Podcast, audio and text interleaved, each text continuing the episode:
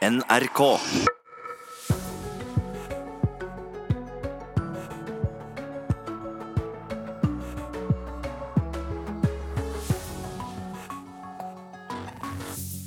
FNs menneskerettighetssjef anklager verdenssamfunnet for å være likegyldig overfor drapene og krigen i Idlib-provinsen i Syria. Det skal vi straks høre mer om. Dette er Nyhetsmorgen i NRK. Fremskrittspartiet mener de trenger en bompengeseier med regjeringen. Og det snart, hvis de ikke skal miste velgere til bompengepartiet. Og rapperen Nasap Rocky står tiltalt i Stockholm for vold mot en 19 år gammel mann dagen før han skulle holde konsert i Norge. I dag begynner rettssaken som eh, artister som Alan Walker og president Donald Trump har engasjert seg i.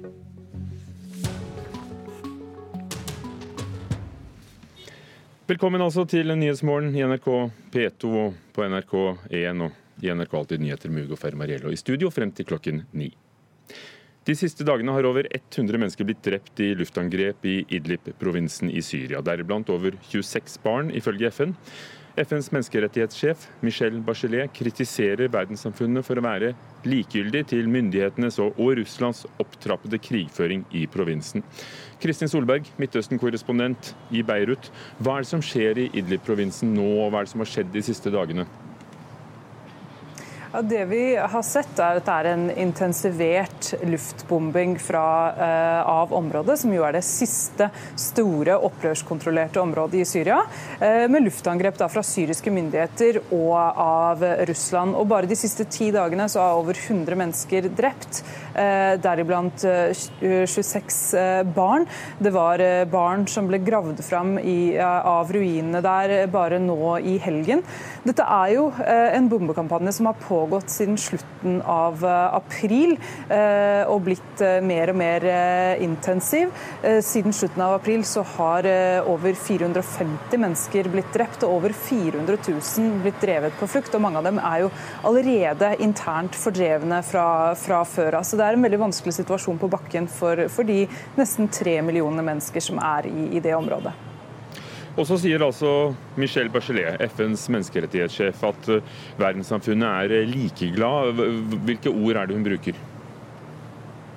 Ja, hun sier nettopp det. Hun, hun, kritiserer verdenssamfunnet for å være likegyldige til det som skjer i Syria, og at de har, eh, har eh, møtt det som, eller hatt som respons til det som skjer der nå, med eh, at responsen har vært et, et kollektivt skuldertrekk, som hun sier. Og egentlig så har hun jo litt rett til det også.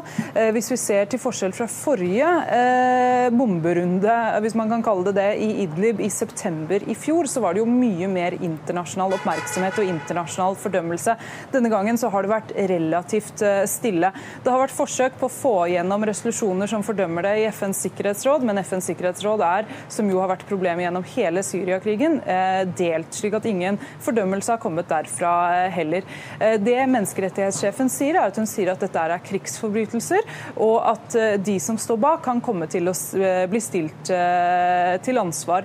Men det lyder nok mest som tomme ord, for gjennom åtte år med krig i Syria, så har det, vært, eh, ingen, så har det ikke vært eh, mange konsekvenser for dem som har stått bak eh, krigsforbrytelser og, og, og krigsforbrytelser av grov type i denne krigen. Og nå som terrororganisasjonen IS mm, er bekjempet i Syria, hva er da situasjonen på bakken i, i landet for øvrig? For det hører vi jo mindre om nå. Eh, ja, men situasjonen på bakken er på ingen måte løst. Eh, jeg var i områder eh, der IS er blitt drevet ut bare for to uker siden. Der frykter folk at IS kan komme til å, bli, komme, til å komme tilbake, for de er da drevet tilbake militært. Men ideologisk så er de fortsatt sterke. Og de har fortsatt mange krigere på frifot og, og en god del støttespillere. slik at er, IS er fremdeles en trussel for menneskene som bor der. Så har man da denne uløste situasjonen situasjonen i Idlib, som er det, det siste store opprørskontrollerte området.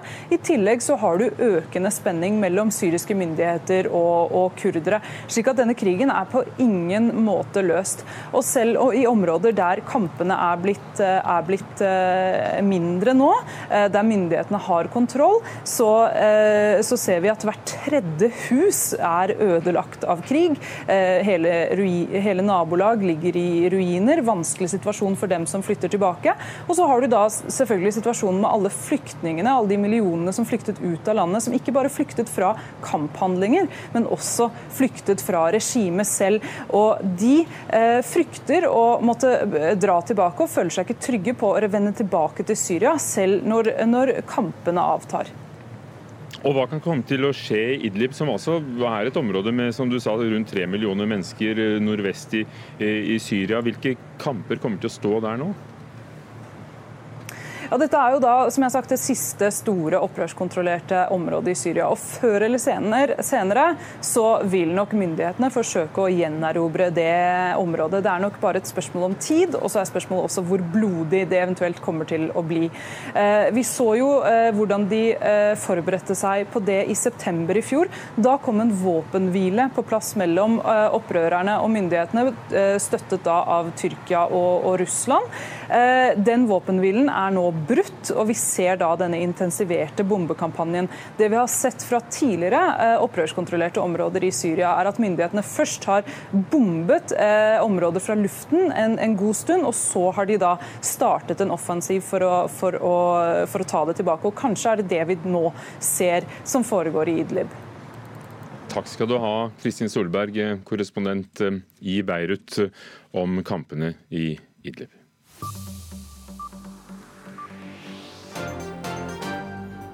Dette har skjedd i natt. I Pakistan eh, mista minst 17 eh, personer livet da et militærfly styrta i en landsby utenfor Islamabad. Tolv av de døde var sivile på bakken.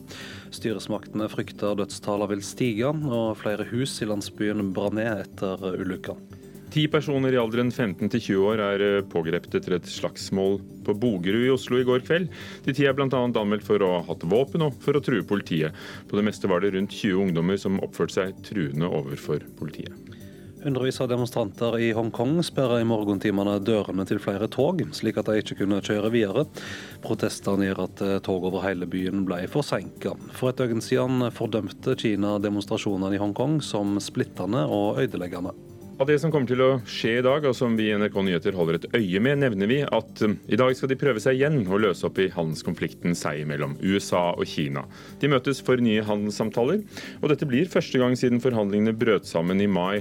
Det var da president Trump anklaget kineserne for å bryte løfter. USA sender bl.a. finansministeren Steven Mnuchin, og fra Kina er det ventet at visestatsminister Liu He stiller sammen med handelsministeren. Og I Stockholm er det satt av eh, tre dager til rettssaker der den amerikanske artisten ASAP Rocky og to andre menn er tiltalt for vold mot en 19 år gammel mann. Rocky Myers, som han heter, ble arrestert i begynnelsen av juni, og måtte mellom annet avlyse konserten på Kadettfestivalen i Bærum. Og vi skal direkte til Stockholm utenfor tingretten, der verdenspressen har møtt opp eh, i løpet av Nyhetsmorgen i dag. Fylkesleder i Oslo Fremskrittsparti, Tone Ims Larsen, er bekymret for at eh, bompengepartiene skal ta velgere fra dem i kommunevalget. Frp er avhengig av en snarlig bompengeseier i forhandlingene i regjeringen, slik at de har noe å slå i bordet med i valgkampen, mener hun. Vi er avhengig av at, det kommer noe ut av dette før valgkampen. Så er det jo tyngre å sette i gang og være i valgkampmodus når vi ikke gjør det bra på meningsmålinger. Bomringer eller ikke bomringer, selve regjeringssamarbeidet kan stå på spill når kommunevalgkampen blir sparka i gang i august. Den kraftige veksten på meningsmålingene for bompengepartiene truer flere parti. Før sommeren stilte FrPs landsstyre seks bompengekrav til regjeringa, men de venter ennå på svar. Frp-leder Stiv Jensen har sagt at svaret kan komme i august, men da trengs det noe som kan demme opp mot bompengepartiet FNB. Det sier Tone Ims Larsen i Oslo. Da tenker jeg Det viktigste nå det er at Siv og Silvi klarer å fremforhandle en god avtale som gjør at vi kan enes om det alle de fire regjeringspartiene. og Da vil det ha mye mer troverdighet enn det FNB kan klare å få gjennomslag for. Jeg er utålmodig etter å få gjennomslag for FrPs politikk. Det sier Erlend Wiborg i gruppestyret til FrPs stortingsgruppe. Han har tidligere sagt at han tror det er 50% sjanse for at Frp går ut av regjeringen til høsten dersom de ikke får resultater på bompengefronten. Men om de resultatene kommer en uke eller en måned før valget, er ikke så nøye, mener han. Så lenge de kommer. Ja, Før valgnatten er det utrolig viktig at vi får signaler, sånn at velgerne kan se at Fremskrittspartiet fortsetter å få viktige gjennomslag på saker som er viktige for oss. Wiborg er ikke spesielt bekymret for at Frp skal miste velgere til bompengepartiene, mens de venter på resultater fra regjeringen. Nei, jeg, Fremskrittspartiets velgere tror jeg har lyst til å se gode resultater. Det har Fremskrittspartiet vist i regjering at vi har fått til så langt. Men vi er utålmodige og forventer å trenge enda mer gjennomslag når det gjelder bompenger. Og om Fremskrittspartiet må vente en uke mer, så tror jeg vi lever fint med det. Og Reportere var eh, Silje Rognsvåg og Selma Joner, og i dagens politiske sommerportrett møter vi nasjonal partileder for Folkeaksjonen Nei til mer bompenger, Frode Myrhold. Det skjer kvart på åtte her i Nyhetsmorgen.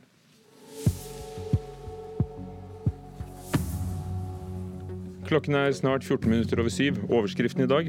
FNs menneskerettighetssjef Michel Bachelet kritiserer verdenssamfunnet for å være likegyldig til opptrappingen av krigen i Idlib-provinsen i Syria. Flere nordmenn ferierer i Norge, og på Filippinene begynner hovedforhandlingen i rettssaken mot den kjente journalisten Maria Ressa, tidligere CNN-korrespondent, som har kritisert president Rodrigo Duterte. Og Det skal vi snart eh, høre mer om, men først i en rettssak som åpner i Stockholm i dag, mot den amerikanske rapperen ASAP Rocky og to til. Rocky Myers, eh, som han egentlig heter, er, står tiltalt for vold mot en 19 år gammel mann. I USA har mange artistkolleger reagert, men også presidenten, som sier at folk har bedt ham hjelpe. I have been called by so many people asking me to help ASAP Rocky. Det sa Donald Trump på en pressekonferanse 19.07. For selv den amerikanske presidenten har engasjert seg i saken til den amerikanske rapperen ASAP Rocky, som er tiltalt for vold i Sverige. Dette er lyden av en video som skal vise rapperen, som egentlig heter Rakeem Myers, i slåsskamp i Stockholm sentrum 30.6. I dag starter rettssaken mot ham og to i hans følge. De sier at de handlet i selvforsvar. ASAP Rocky har sittet varetektsfengslet siden 3. juli, og det har fått flere til å reagere. Blant annet Alan Walker, som i sosiale medier brukte emneknaggen 'Justice for Rocky' og la ut at han skulle slippe låt med rapperen. Sangen 'Live Fast' den kom 25. I tillegg har drøyt 450 000 skrevet under på en underskriftskampanje på nettstedet change.org. Den har bl.a. Justin Bieber delt på Instagram. Rapperen Taylor The Creator skrev på Twitter at han aldri ville reise til Sverige igjen, og rapperen Taiga avlyste sin konsert i Göteborg få dager senere. Forrige helg fikk denne saken også en politisk dimensjon. Uh, Rocky is uh, situation in Sweden. Sweden's a great country. Uh, they're friends of mine, uh, the leadership, uh, and we are going to be calling. We'll be talking to them. We've already started.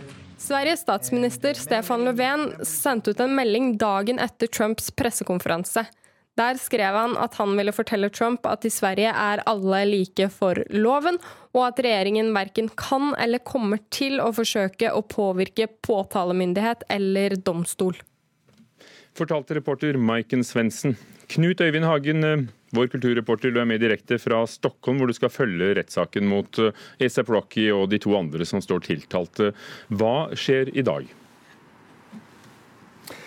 I dag så blir de tre tiltalte, bl.a. ASAP Rocky eh, det starter rettssaken i dag mot dem. De skal forklare seg. Det er jo hans livvakt og en annen i hans entourage som da skal gi sine forklaringer. Det skal også den afghanske 19-åringen som er den fornærmede i denne saken.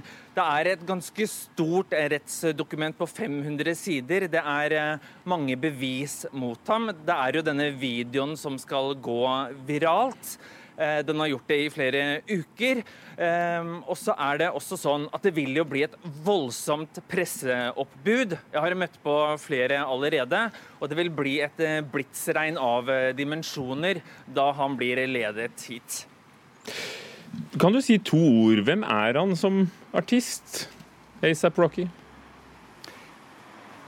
Han er jo en rapper fra Harlem i New York. Han er involvert i de aller fleste sidene ved sin musikkarriere. Han er plateprodusent, han produserer videoer. Han uh, slo igjennom som artist i 2013, og etter det så har uh, populariteten hans bare vokst og vokst. Og det sier jo litt om hvor han står i musikkmiljøet når flere av verdens største artister, Justin Bieber, Swedish House Mafia og også vår egen norske stjerne-DJ fra Bergen, Alan Walker, støtter ham under da dette slagordet 'Justice for Rocky', rettferdighet for Rocky. Og Hva er aktors påstand i denne saken? Aktors påstand er opptil to år. Eh, Daniel Sunesson, som er aktor, har sagt at selv om strafferammen er inntil to år, så vil man trolig ikke legge seg helt på det, men han mener at det er en alvorlig sak. Og uansett hva foranledningen til denne volden er, så mener han at dette er en handling som må straffes. Mens eh, ASAP Rocky og hans eh, forsvarer Slobodan Jovetic har eh, hele tiden sagt at han er uskyldig. Og Vi kan høre hva Slobodan Jovetic sa til Sveriges Radio. Han har vidgått at han har kastet ned personen på marken, og etter det så har han vidgått at han har klivet på en arm og gitt denne personen en form av knuff. Men han har vi ikke erkjent at han har betett seg på det settet som åklagaren påstår. Ja, er det ventet uh, store reaksjoner i Sverige? Vi har hørt at i USA og blant artister verden over så er det mange som har engasjert seg, men, men hva med i Sverige? I Sverige så får jo selvfølgelig denne saken veldig mye oppmerksomhet. Og det er kraftige reaksjoner på den amerikanske innblandingen. At da Donald Trump kaller deres statsminister for en talentfull mann, og at han eh, vil eh, betale hans kursjon. Og Sverige syns det er uhørt at eh, de skal prøve å påvirke det svenske rettsvesenet. Her tenker man at det er likhet for loven. Stefan Löfven og utenriksminister Margot Wallstrøm har vært veldig tydelige på det. For å dra et eksempel, her er det det samme om du er Per Nilsson fra Dalarne, eller om du er superstjernen ASAP Rocky fra New York. Takk skal du ha, Knut Øyvind Hagen, med oss direkte fra gaten i Stockholm utenfor eh, tingretten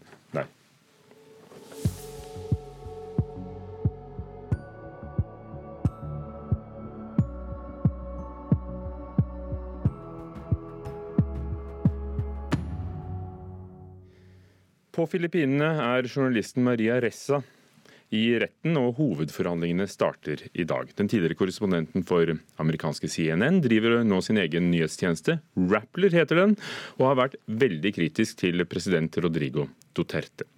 Ressa ble første gang pågrepet i februar, siktet for å ha ærekrenket en forretningsmann i 2012, og senere er det blitt flere siktelser, bl.a. for brudd på loven om utenlandsk eierskap av mediene og skatteloven. Regjeringen håper å skremme oss ved å stjele av min personlige tid og våre ressurser, har Maria Ressa sagt selv. Kjersti Løken Stavrum, leder i ytringsfrihetsorganisasjonen Norske Penn. Hvem er Maria Ressa? Hun er en ekstremt dyktig journalist med svært lang erfaring. Hun er 55 år, eh, ledet eh, CNNs kontor i Sørøst-Asia i nesten 20 år. Og siden engasjerte hun seg i um, politikk, holdt jeg på å si, eller nyheter på Filippinene. Lagde nettstedet Rappler, som er et veldig moderne nyhetsnettsted, hvor hun brukte og, og gikk særlig inn i kraften i sosiale medier. Og det er blitt en utfordring for uh, president Duterte på Filippinene. Hvorfor mener du og Norske Penn og andre ytringsfrihetsorganisasjoner at hun uh, er siktet nå? Nei, altså Dette er jo ellevte gang mener jeg, på halvannet år at hun blir rettslig forfulgt. Eh, og, og, nå er det pga. en sak som Rappler publiserte i 2012. Eh, der de skriver om en forretningsmann på Filippinene og anklager han for eh, narkotikahandel, menneskesmugling. Og Dessuten så påpeker de at en daværende høyesterettsdommer eh, kjører rundt i en SUV som er registrert på denne forretningsmannen Keng. Eh, og Keng har nå kommet til at dette er anklager han ikke kan leve med. Det er jo mange år siden den saken ble publisert, så han har gått til injuriesøksmål. Er det da politiske motiver som gjør at det kommer nå, eller er det at rettsvesenets kvern maler så langsomt på Filippinene? Det er jo det som er det besnærende i denne saken her, for det har vært så mange andre saker som du nevnte, ikke sant? om skatteunndragelser og den type ting. Og da blir det litt åpenbart at det er systemet som er ute etter dette nyhetsnettstedet, men nå er det da en privatperson. Er du noen gang blitt felt? Eh, nei, det har eh, gått greit eh, de andre gangene, men, men, det koster jo penger og det koster ressurser. Og, og, nå er hun ute på kausjon i denne saken, for hun ble arrestert i denne saken i, 20, nei, i februar. og For øvrig er da denne saken, den loven hun er tiltalt for i denne saken, den ble vedtatt fire måneder etter publiseringen av den kritiserte saken. Du kjenner henne. Hva, hva sier hun selv om, om å leve med disse konstante truslene om siktelser? Så Det som er så fascinerende med Maria, og som er så flaks for verdenssamfunnet med Maria Ressa, er jo at hun er en ekstremt dyktig og ekstremt sterk person som skjønner at hun trenger å ha et godt nettverk rundt seg. Så hun har brukt mye tid og krefter på eh, å nettopp få det. Sånn at hun ble, jo, hun ble jo kåret i fjor av Time til en av eh, årets personer. Sammen med for øvrig drepte Kamal Khashoggi. Eh, og nå er hun også nevnt som en av de 100 mest innflytelsesrike personene i verden. Så hun, eh, hun, skjønner at det at verden følger med, er hennes livsforsikring. Og Hun har fått Amal Clooney som eh, advokat, som også er hustru til filmstjerne George Clooney. Men det er mange journalister i, i, på Filippinene som tar farlige oppdrag, skriver om kritikkverdige mm. forhold, mm. og ikke kjenner Amal Clooney. Hvordan klarer de seg? Ikke så bra. Uh, ifølge Reporter uten grenser er det er tre journalister drept på Filippinene i år. Eh, og, og, det som er eh, typisk for sånne saker, er at de, de dør bare. ikke sant? Du vet ikke hvor, hvorfor det skjedde, eh, gjerne. Men, men, Maria Ressa er altså Verden våker over Maria Ressa. Madeleine Albright, tidligere USAs utenriksminister, har engasjert seg veldig. Canadas nåværende utenriksminister er engasjert. Og jeg syns jo at Norge, som altså rangerer på topp som verdens mest pressefrie land, at vi har en forpliktelse til å engasjere oss nettopp i denne type saker som Maria Ressas. Hva tenker du på da? Et offisielt engasjement? Ja. For eksempel? For eksempel, eller helt åpenbart. Eh, der, der ligger det, altså, Å være verdens mest pressefrie land, som Norge er, det eh, er ikke eh, noe vi skal rose oss over. Det er en forpliktelse. Hva risikerer Maria Ressa nå som rettssaken er i gang, forhandlingene starter? Hun risikerer seks års fengsel. Og det er klart at dette er jo veldig nervepirrende, fordi presidenten vil veldig gjerne ha vekk Maria Ressa fordi det blir mye bråk, eh, fordi de avslører viktige saker, eh, kritikkverdige saker på Filippinene. Men vil de tørre det når de ser oppmerksomheten nettopp hun får i verden? Det er et veldig innarbeidet godt triks i boka å bruke rettsvesenet til å, til å tauslegge journalister. Takk skal du ha. Kjersti Løkken Stavrum, leder i Norske Penn. Vi skal se på hva som har skjedd i verden ellers også. USA skal selge nye våpen til Saudi-Arabia for 70 milliarder kroner. Og det er klart at etter at det amerikanske senatet ikke greide å blokkere våpensalget som president Donald Trump har ivret for. Og Tore Moland, utenriksreporter, hva har skjedd? Ja, President Trump ser da i natt ut til å ha greid å presse gjennom dette svært omstridte våpensalget til Saudi-Arabia, som begge kamrene i den amerikanske kongressen opprinnelig hadde sagt nei til. Presidenten brukte deretter vetoretten sin, og han erklærte en nasjonal krise faktisk for å tvinge gjennom salget. Og i natt var det da avstemming i Senatet i et siste forsøk på å blokkere. Og de forsøkene de fikk ikke de nødvendige to tredjedels flertall, og dermed blir det våpensalg slik Trump ønsker. Noe av grunnen til at dette våpensalget er så omstridt, er jo da frykten for at våpnene skal bli brukt i krigen i Jemen, og også sinne etter drapet på den saudiske journalisten Jamal Khashoggi, som Saudi-Arabia sto bak. Men Trump sjøl mener våpensalget er nødvendig pga. striden med Iran, og som han sier, for å opprettholde USAs konkurransekraft. Og så har det vært voldsomme kamper og ubeskrivelig brutalitet i et fengsel i Brasil det siste ja, døgnet? Grusomme skildringer fra et fengsel i Altamira der 57 mennesker sies å ha blitt drept. Det ser rett og slett ut til å ha vært et oppgjør mellom to rivaliserende gjenger som satt fengsla i hver sin fløy av fengselet. Og så har den ene gjengen gått til angrep på den andre gjengen og satt fyr på cellene deres. Mange har dødd av kvelning, men det rapporteres også om at 16 fanger rett og slett skal ha blitt kappa huet av et svært eh, overbefolka fengsel i et eh, av de landene i verden med høyest andel av befolkningen i fengsel. Og litt senere i dag begynner en spesiell barnefordelingsrettssak i London. Pikant historie. Sjeiken av Dubai og kona hans, prinsesse Haya, møtes i retten for å gjøre opp om hvem som skal ha omsorgen for parets eh, to barn. Dette er da prinsessa som rømte fra Dubai tidligere i år og slo seg ned i London, mens den styrtrike sjeiken har publisert rasende dikt om en kvinnes svik, og nå altså tatt saken til retten i London. Og her møtes noen av Storbritannias skarpeste og aller dyreste skilsmisseadvokater. Folk som har erfaring fra oppgjørene mellom eh, eh, prins Charles og prinsesse Diana og Madonna og Guy Ritchie, hvis vi husker de oppgjørene. Men sjeiken og kona insisterer på at i dag skal det bare handle om barnas ve og vel, og ikke om skilsmisseoppgjør og penger. Og myndighetene i De forente arabiske emirater de fortsetter å insistere på at dette er å anse som en ren privatsak. Hva var bakgrunnen for at disse to stakk av?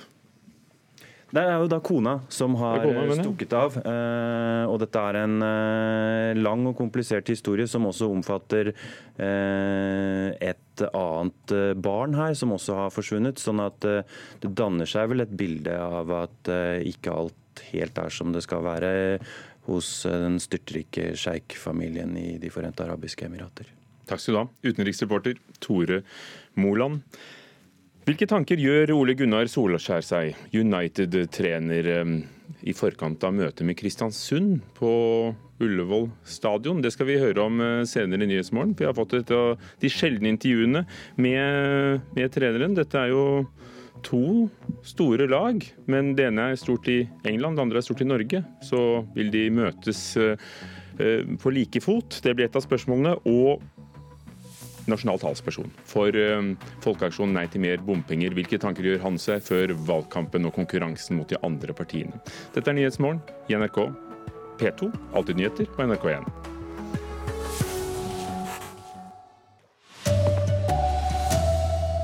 Mange barn drepne i luft og tak i Syria. FN kritiserer verdenssamfunnet for ikke å gjøre nok for å hjelpe sivile.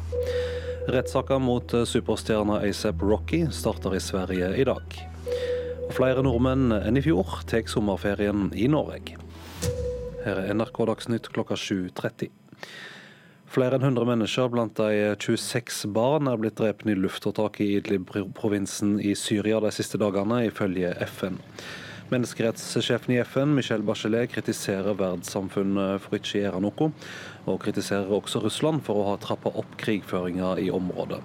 Midtøsten-korrespondent Kristin Solberg, hva er det som skjer i Idlib-provinsen nå?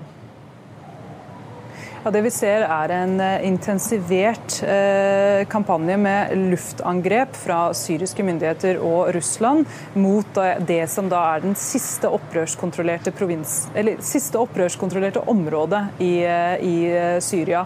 Eh, det har eh, vært spesielt intensivt de siste ti dagene. Over 100 mennesker er da drept. Det har vært luftangrep mot sykehus, markeder, bakerier, så helt sivile mål. Men denne kampanjen har da foregått siden slutten av april. Siden da er over 3, 450 øh, mennesker drept og over 400 000 blitt drevet på flukt. Menneskerettssjefen i FN kritiserer altså verdenssamfunnet. Hva er det hun sier? Ja, hun sier eh, verden svarer med likegyldighet og det hun kaller et kollektivt eh, skuldertrekk. For det er lite oppmerksomhet mot det som skjer i Syria nå. Eh, man har forsøkt å få gjennom en resolusjon i FNs sikkerhetsråd som fordømmer volden. Det har man da ikke klart, for Sikkerhetsrådet er eh, delt. Eh, I tillegg så sier hun at dette her er krigsforbrytelser, og at de ansvarlige kan bli stilt eh, for, til ansvar. Hva er situasjonen på bakken i Syria nå som eh, terrorgruppa IS eh, er borte? Ja, IS utgjør fortsatt en trussel. De er militært eh, drevet tilbake, men ideologien eh, og en god del krigere er der ennå, og også en god del støttespillere. Så har man da det siste større opprørskontrollerte området Idlib, hvor, det, eh, hvor myndighetene før eller siden antagelig kommer til å starte en offensiv for å gjenerobre det området. Det kan også eh, bli svært blodig. Og så har man da i tillegg økt spenning mellom syriske myndigheter og kurdere. Så krigen i Syria er på ingen måte over ennå. Korrespondent Kristin Solberg. Fremskrittspartiet trenger en snarlig bompengesiger i forhandlingene i regjeringa, slik at de har noe å slå i bordet med i valgkampen. Det mener fylkeslederen i Oslo Frp, Tone Ims Larsen. Hun er uroa for at bompengepartiet skal stjele mange velgere i kommunevalget i september. Vi er avhengig av at, at det kommer noe ut av dette før valgkampen. Så er det jo tyngre å sette i gang og være i, valgkampmodus når vi ikke gjør det bra på meningsmålinger. Bomringer eller ikke bomringer, selve regjeringssamarbeidet kan stå på spill når kommunevalgkampen blir sparka i gang i august. Den kraftige veksten på meningsmålingene for bompengepartiene truer flere parti. Før sommeren stilte FrPs landsstyre seks bompengekrav til regjeringa, men de venter ennå på svar. Frp-leder Stiv Jensen har sagt at svaret kan komme i august, men da trengs det noe som kan demme opp mot bompengepartiet FNB. Det sier Fone Ims Larsen i Oslo. Da tenker jeg Det viktigste nå det er at Siv og Silvi klarer å fremforhandle en god avtale som gjør at vi kan enes om det alle de fire regjeringspartiene. og Da vil det ha mye mer troverdighet enn det FNB kan klare å få gjennomslag for. Jeg er utålmodig etter å få gjennomslag for FrPs politikk. Det sier Erlend Wiborg i gruppestyret til FrPs stortingsgruppe. Han har tidligere sagt at han tror det er 50% sjanse for at Frp går ut av regjeringen til høsten dersom de ikke får resultater på bompengefronten. Men om de resultatene kommer en uke eller en måned før valget, er ikke så nøye, mener han. Så lenge de kommer. Ja, Før valgnatten er det utrolig viktig at vi får signaler, sånn at velgerne kan se at Fremskrittspartiet fortsetter å få viktige gjennomslag på saker som er viktige for oss. Reportere Silje Rognsvåg og Selma Joner. Lederen for Folkeaksjonen Nei til mer bompenger, Frode Myrhol, er gjest i Politisk sommerportrett i P2 klokka 7.45. I dag starter rettssaker mot den amerikanske artisten ASAP Rocky i Sverige. Han er tiltalt for vold mot en 19 år gammel mann. Mange kjendiser, og også Donald Trump, har kritisert Sverige og kaller rettsforfølginga rasisme. Reporter eh, Knut Øyvind Hagen eh, i Stockholm, hva er det ASAP Rocky er tiltalt for? Han er eh, tiltalt for å ha utøvd vold mot en 19 år gammel afghansk mann.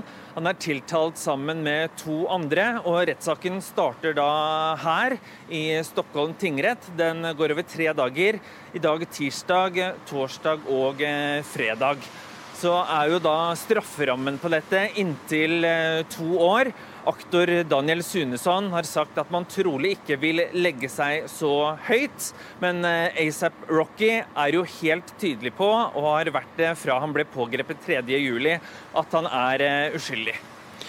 Denne saka har jo ført til engasjement fra kjendiser så vel som Donald Trump. Men hvordan er reaksjonene i Sverige på denne saka? I Sverige så har den vakt oppstandelse som alle andre steder i verden. Og det man reagerer på, er jo særlig den amerikanske innblandingen. Du har altså Donald Trump som kaller deres statsminister for en talentfull mann. Han eh, sier at han gjerne betaler kausjonen av egen lomme. Og både statsminister Stefan Löfven og utenriksminister Malgot Wallstrøm mener jo det er helt eh, hårreisende at man eh, forsøker å påvirke rettsvesenet. Det er veldig tydelige signaler i eh, Sverige, både politisk og allmuen, at man lar seg ikke kjøpe. Her skal rettferdighet og sannhet seire, uansett om du er en vanlig svensk borger eller en amerikansk superstjerne fra Harlem i New York. Takk for den rapporten, eh, reporter Knut Øyvind Hagen i Stockholm. Rettssaka mm, starter klokka 9.30. Her hjemme ble eh, ti unge personer arresterte etter et slagsmål på Bogerud sørøst i Oslo sent i går kveld. De ti er i alderen 15 eh, år til midt i 20-åra. De blir meldt for mellom bl.a. å ha hatt kniv og trugsler. På det meste var det kring 20 eh, ungdommer som var truende mot politiet, forteller eh, operasjonsleder Tor Jøkling. Etter hvert blir eh, stemningen veldig aggressiv, og våre mannskaper føler situasjonen som svært truende. og måtte bl.a. benytte batong mot noen av disse personene da de var i utgangspunktet i stort flertall. Til noe tid så fikk vi da kontroll på til sammen faktisk over 20 personer i alderen 15 til ja, godt opp i 20-årene. Norgesferie er mer populært blant nordmenn. Det syner forberedelsetall fra norsk reiseliv om over sommerferien fra i år. Delen av nordmenn som ferierer i Norge ser ut til å stige med 3% sammenlignet med i fjor. Sørlandet og Trøndelag ser foreløpig ut til å være minst i vinden, medan Nord-Norge, Vestland og Østlandet trekker flest. En som er på norgesferie med familien, er Dag Josef Nilsen fra Karmøy. Vi har eh, disponert en campingvogn på Sørlandet, og den har vi jo prøvd å bruke litt. Og så har vi noen håpefulle som er på Norway Cup. Så da koser vi oss i hovedstaden. Og å kose oss i ferien ser det ut til at vi nordmenn vet å få til. Administrerende direktør i Norsk Reiseliv, Per Arne Tuftin, forteller om en ny trend. Hotellene ser ut til å øke nå i sommer, mens camping kanskje går litt tilbake. Vi ser ut til å få stadig bedre råd og bruker penger på ferien vår. Norsk reiselivsnæring har gjennom flere år arbeidet aktivt for å få oss til å feriere i eget land. Per Arne Tuftin tror dette nå bærer frukter. Veldig mange nordmenn har ikke vært spesielt mye på reise i eget land, så det å oppleve både Nord-Norge og Vestlandet og, og fjellheimen bl.a. er spektakulært for oss nordmenn fortsatt i forhold til naturopplevelse. Og så har vi da aktiviteter, opplevelser, kultur som også er med på å trekke. sånn at totaliteten av dette, og så er det jo det at det er inn å feriere i eget land, som gjør at man trenger ikke lenger å unnskylde seg fordi man ferierer til Norge, men man kan skryte av det. Hytteliv og reiser hjem til familie er også med på å holde oss innenfor riksgrensene i ferien, slik som Anne og familien hennes alltid gjør. Nei, jeg er sikkert litt sånn utenlandsskrekk. altså er det fint i Norge. Jeg trives veldig godt i Norge. Reporter var Tor Albert Frøsland. Ansvarlig for sendinga Erlend Rønneberg, i studio Vidar Eidhammer.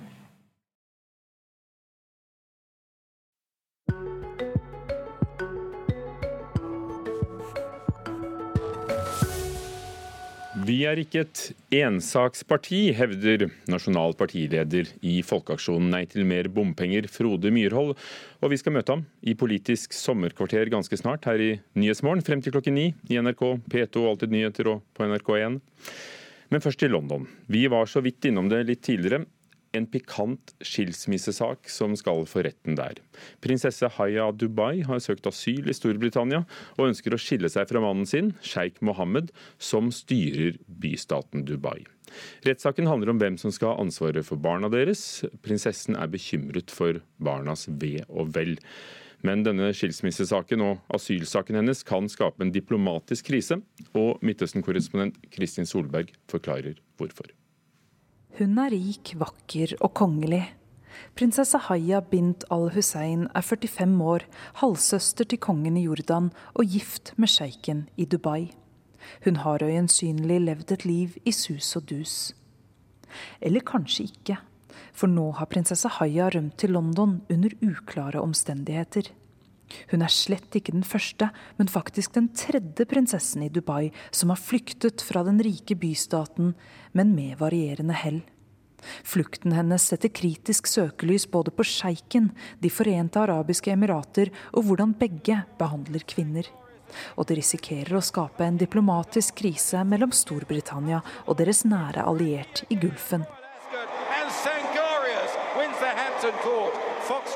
Royal Ascot hesteveddeløpet i England der de rike, kjente og kongelige samles hvert år. Prinsesse Haya og ektemannen sjeik Mohammed bin Rashid al Maktoum har vært faste gjester der. De avbildes gjerne med dronning Elisabeth. Sjeik Mohammed har et image som en progressiv leder. Han har ledet Dubai til å bli en moderne, global metropol. Med en økonomisk vekst som i internasjonale medier helt har overskygget de undertrykkende sidene ved det som er og blir et diktatur.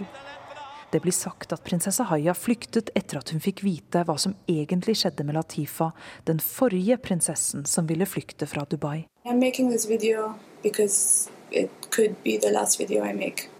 Jeg lager denne videoen fordi det kan være den siste videoen jeg lager, sier prinsesse Latifa, datter av sjeik Mohammed, i en video publisert på YouTube i fjor. And if you are watching this video, it's not such a good thing.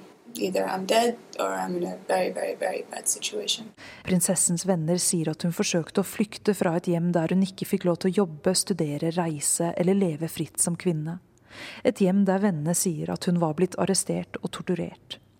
Fluktruten gikk med båt fra Dubai til India. Derfra skulle hun angivelig fly til USA, der hun ville søke asyl. Men like utenfor kysten av Goa ble båten raidet av soldater og prinsessen sendt tilbake til Dubai. Siden har ingen hørt noe fra prinsesse Latifa. Vennene hennes sier hun er i stor fare, antakelig i husarrest i palasset. Latifas familie har en annen versjon. De sier prinsessen ikke rømte, men at hun ble forsøkt kidnappet. Den aller første prinsessen som forsvant, gjorde det for hele ni år siden. Og prinsesse Shamsa datter av sjeik Mohammed og søster til Latifa, rømte fra familiens landsted i England. Hun ble sist sett i august det året, da hun angivelig ble plukket opp på gaten i Cambridge av sjeikens folk og sendt tilbake til Dubai med tvang. Heller ikke hun er blitt hørt fra siden. Prinsesse Haya, sjeikens kone, ber nå angivelig om skilsmisse i London. Det at sjeikens kone nå ber om asyl i Storbritannia, kan få politiske konsekvenser. Hvis landet innvilger henne asyl, kan det gå mot diplomatisk krise med De forente arabiske emirater. Og det på en tid hvor spenningen med Iran stiger i samme område. Fortalte Midtøsten-korrespondent Kristin Solberg om denne skilsmisserettssaken som skal opp for retten i London i dag, og bakgrunnen. Klokken er straks kvart på åtte. Du lytter til Nyhetsmorgen. FNs menneskerettighetssjef Michelle Bachelet kritiserer verdenssamfunnet for å være likegyldig til angrepene i Idlib-provinsen i Syria. De siste ukene er flere hundre blitt drept, mange sivile og mange barn. Flere nordmenn ferierer i Norge, og på Filippinene begynner hovedforhandlingene i rettssaken mot den kjente journalisten Maria Ressa, tidligere CNN-korrespondent, som er kjent ikke minst for å kritisere presidenten Rodrigo Duterte. Og i Stockholm begynner rettssaken mot den amerikanske rapperen ASAP Rocky i dag. Han er tiltalt for vold sammen med to andre mot en 19 år gammel mann. Det var den som førte til at han måtte avlyse turneen, bl.a. konserter i Norge. Og president Trump og artister over hele verden har engasjert seg. Vi skal til Stockholm senere i Nyhetsmorgen. I sommer sender vi portretter med politikere foran kommunevalget i september eh, her i Politisk sommerkvarter. Og nå til en som hevder hardnakket at eh, han ikke representerer noe ensaksparti, men samarbeider gjerne både til høyre og venstre, og han elsker Liverpool fotballklubb. Bli med på kjøretur med Frode Myrhol, førstekandidat i Stavanger og Rogaland, og nasjonal partileder for folkeaksjonen Nei til mer bompenger.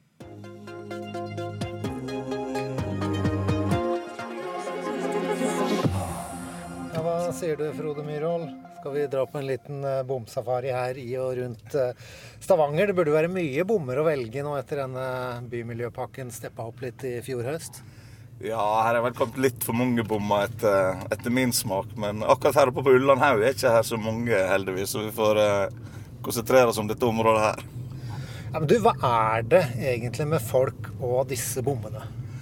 Jeg tror det at eh, folk eh, føler at de ikke får noe igjen for, eh, for bom, altså det de betaler for. I Stavanger og, og Bypakke Nord-Jæren så er jo det 70% som skal gå til andre ting enn en veiformål. Infrastruktur er et eh, felles samfunnsgode så så alle bør være med og, og betale på.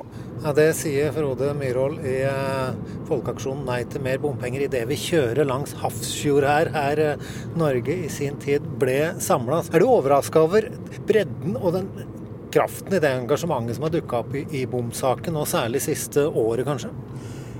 Jeg må jo si at jeg ble tatt litt på senga over at det skulle eksplodere slik det er gjort. I 2015 så følte vi at det, var veldig mange som egentlig ikke var klar over hva som var i, ferd med å skje. Men, men, nå er folk klar over det. Nå lever de med det. Nå får de regningene fra, fra Ferde, og da røyser de seg rett og slett i, i opprør. Det skrives mye på sosiale medier når bom debatteres, og det har vært historier i det siste ordførere og lokalpolitikere som forteller at de har blitt eh, hetset, og, og noen har opplevd trusler fordi de har hatt et eh, ja til, eh, til bomsaken. Er det greit? Nei, det syns jeg ikke er greit i det hele tatt. Han må greie å debattere ting uten å komme med, med trusler til folk. Og så må han greie å holde seg innafor en språkbruk som er akseptabel. Jeg skjønner frustrasjonen uh, ute, uh, ute, blant, folk. De føler seg overkjørt. Og når folk blir uh, sinte og, frustrerte, så gjør de kanskje ting som de egentlig i utgangspunktet ikke burde ha gjort. Men det viktigste de kan gjøre, det er å gå til valglokalet 9.9. og stemme på et parti de er enige med. og ikke stemmer på disse partiene som de er uenige med, og som de er sintest på. Har du sjøl opplevd eh, trusler i, den, eh, i, din karriere som eh, lokalpolitiker? Det har jeg heldigvis ikke fått, så det kan ikke, jeg kan ikke uttale meg om hvordan det føles for de som har, har fått det, men jeg forstår at det kan være, kan være skremmende. Hvordan starta ditt engasjement i og for denne saken? Nei, Det starta jo med at eh, Stavanger Aftenblad gikk ut offentlig med, med de planene som samferdselssjefen eh, la på bordet. Jeg husker vi satt i kantina på, på jobb i, i, Gjensidige, og jeg tenkte at dette her kan jo umulig stemme. Dette her må jo være bare noe de går ut med, og så kommer de til å komme tilbake med ei mye mindre løsning og ei mye billigere løsning. For, eh, for dette her henger jo ikke sammen når en ser på hva det faktisk skal finansiere. Så jeg meldte meg til tjeneste i eh, det som heter da eh, Folkeaksjonen Nei til mer bompenger i Rogaland, tror jeg, om ikke jeg husker helt feil. Det har vært litt navneendringer siden den gang. Og så var jeg også ganske klar på veldig tidlig fase at eh, skulle vi få til noe, så måtte vi rett og slett gå politisk. Komme inn på den politiske arenaen. For at politikerne tar ikke så voldsomt mye hensyn til eh, om folk går i gatene og, og, roper og demonstrerer. De må faktisk inn og være en, en trussel. Og det ser vi nå bare med de meningsmålingene vi har, har hatt, at eh, da har det faktisk uh, fått ringvirkninger helt opp i regjeringsapparatet. Og I løpet av det siste året så har dette spredd seg rundt om i landet. Og du sitter her som en slags partileder for et riksdekkende parti. Hender det at du våkner og tenker at hva i huleste er det jeg har stelt i stand? Ja, det er jo et eh, forholdsvis godt spørsmål. Nei, jeg har ikke hatt den, eh, ikke hatt den følelsen der. Men eh, det er klart, når en ser tilbake på hvordan dette her starta opp, så har det vært ei utrolig, utrolig reise. Men det har også vært en ganske klar strategi fra tidlig av at det var veldig viktig å samle dette her opprøret i en felles organisasjon. For hvis eh, Bergen f.eks. hadde sittet i Bergen og protestert som ei liste i Bergen, Stavanger har vært liste i Stavanger, så hadde ikke vi fått den eh, gjennomslagskrafta som som vi har nå. 2015, eh, Folkeaksjon nei til mer bompenger, gjør et brakvalg i Stavanger. Får inn deg og to andre i bystyret. Hva tenkte du da? Nei, Da tenkte jeg at eh, nå eh, starter et nytt eh, kapittel i, eh, i, livet som blir veldig spennende. Og, og det har vært lærerikt, spennende og utfordrende. Og Så oppdaga du vel etter hvert at uh, lokalpolitikk og bystyremøter handler om mye mer enn uh, bom. Det handler vel egentlig ganske lite om bom, og fryktelig mye om uh, mye annet. Sykehjemsmat og SFO-priser og avløpsrør og renovasjon og byutvikling og barnehageutbygging og, og, sånne ting. Hvordan var det å, å, få det i fanget? Altså Du gikk inn i dette her i en veldig definert sak, og så er det det andre du får mest av.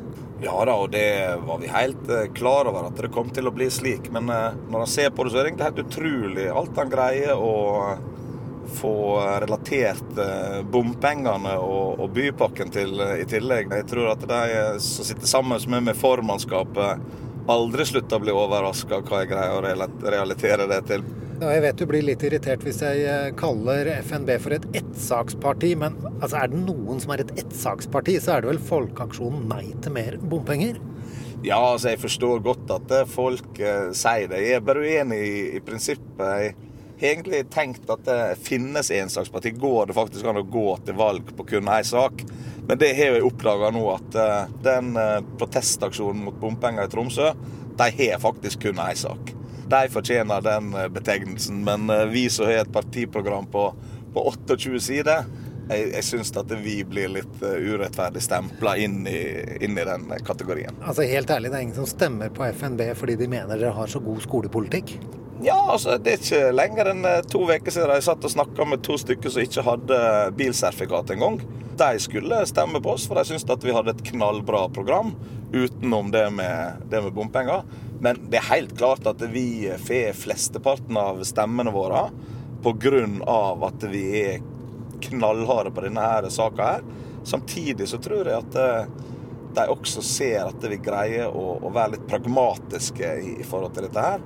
Du, nå kjører vi eh, gjennom det nye trafikksystemet i forbindelse med Ryfasttunnelen. Et svært, svært samferdselsprosjekt her i eh, Stavanger. Dette hadde ikke vært mulig dette her uten bompenger, Frode Myhrvold? Nei, det er klart dette her går jo på vilja til de som sitter i, i regjering. Eh, og Stortinget. Hvis de vil finansiere det uten bompenger, så er det fint eh, mulig.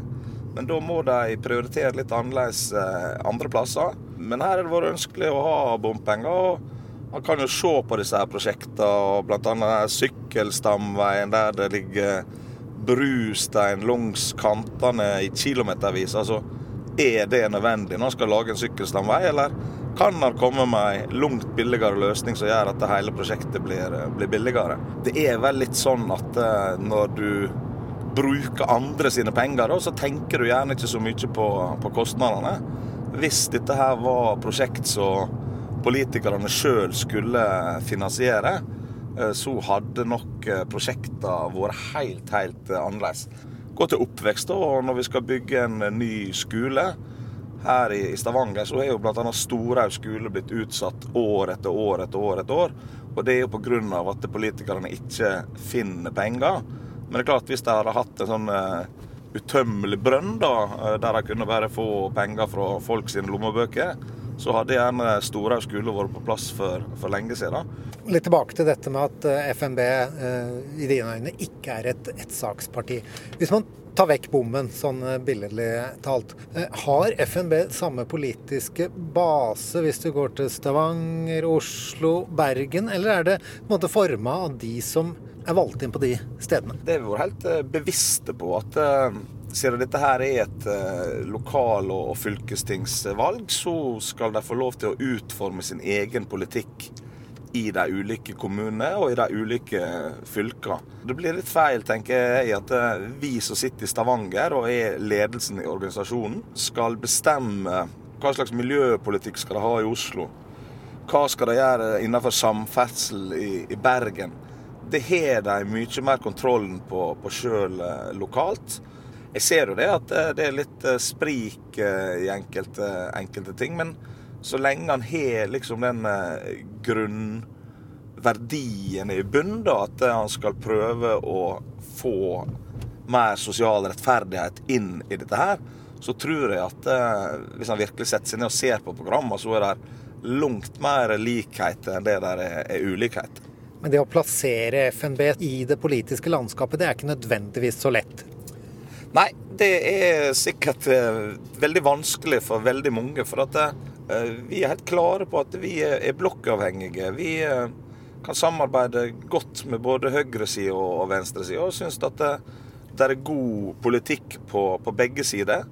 Så jeg, jeg, liker egentlig å si at vi er et eh, parti i sentrum, uten at vi er et, at vi er et sentrumsparti.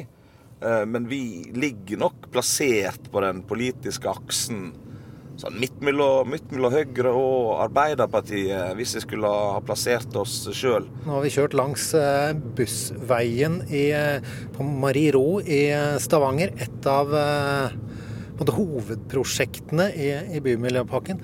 Det å legge til rette for at folk tar kollektivt, det må da være en fin ting, det? Ja, jeg er helt enig. Jeg er ikke imot selve prosjektene i, i Bymiljøpakken. Jeg er mest imot finansieringa. Men bussveiprosjektet, det er ikke noen spesielt tilhenger av. Du, livet er tross alt mer enn bare bom og, og bompenger. Kan du skildre for meg hva du gjør når du har det som aller best om sommeren. Tidligere så likte jeg å gå mye på fjellet, men jeg har litt for dårlig kne, så det, det blir lite av det. Så det blir veldig mye byliv eventuelt. Men å, å sitte på, på, fisketorget med et glass, eh, et glass hvitvin og en stor skalldyrtallerken det blir ikke feil, for å si det, si det sånn. Og er det litt bedre temperaturer enn vi har i dag også, så er jo det egentlig en forholdsvis god dag, tenker jeg. Og ellers handler vel sommeren om at man skal få den ferdig, så Premier League og Liverpool kan begynne å spille igjen. Ja, det er veldig frustrerende nå når ikke det er, er fotball, eh, og spesielt eh, Liverpool. Jeg bruker jo alltid å reise på første heimekampen til Liverpool hver eneste sesong. Det har jeg gjort siden 2007. Men uh, i år har jeg bestemt meg at det blir ikke før etter, etter valget. Nå er vi fullt dedikert til, til valgkampen. Så da blir det første heimekampen mot Newcastle 14.9. i stedet for. Så ingen skal si at Frode Myhrvold ikke ofrer noe for politikken her? Nei, her føler jeg at jeg ofrer svært uh, mye. Det sitter langt inne å ikke reise til Liverpool, men uh, det er viktig med, viktig med, politikken og viktig å, gjøre en uh, god jobb og være ute og være synlig i valgkampen, tenker jeg. Så jeg har egentlig ikke noen problemer med den prioriteringa. Nå er rundt en vår eh, over, eh, Frode Myhrvold. Vi, vi, har kjørt i en lånt elbil her, så vi har verken forurensa så mye eller lagt inn så veldig mye i de bommene vi har passert. Er, er, det måten å bevege seg på dette her? Elbil er jo veldig fint kjøretøy. Bråker lite og behagelig å bevege seg rundt i. Jeg har jo sjøl en, en, gammel dieselbil, men det spørs om jeg kanskje må investere i en elbil eh, etter hvert. Men jeg er jo litt redd for at uh, disse bypakkene egentlig ikke handler om miljøet. Og til slutt så vil de presse på for at elbilene skal betale også. Vi er iallfall sterke motstandere av det. og det kommer ikke til å skje så lenge vi sitter i posisjon. Det er stortingsvalg om to år. Er det det neste steget? Ja, det blir garantert at det vil stille til stortingsvalget om, eh, om to år. Reporter Lars Navestad intervjuet Frode Myrhol i folkeaksjonen Nei til mer bompenger her i Nyhetsmorgen.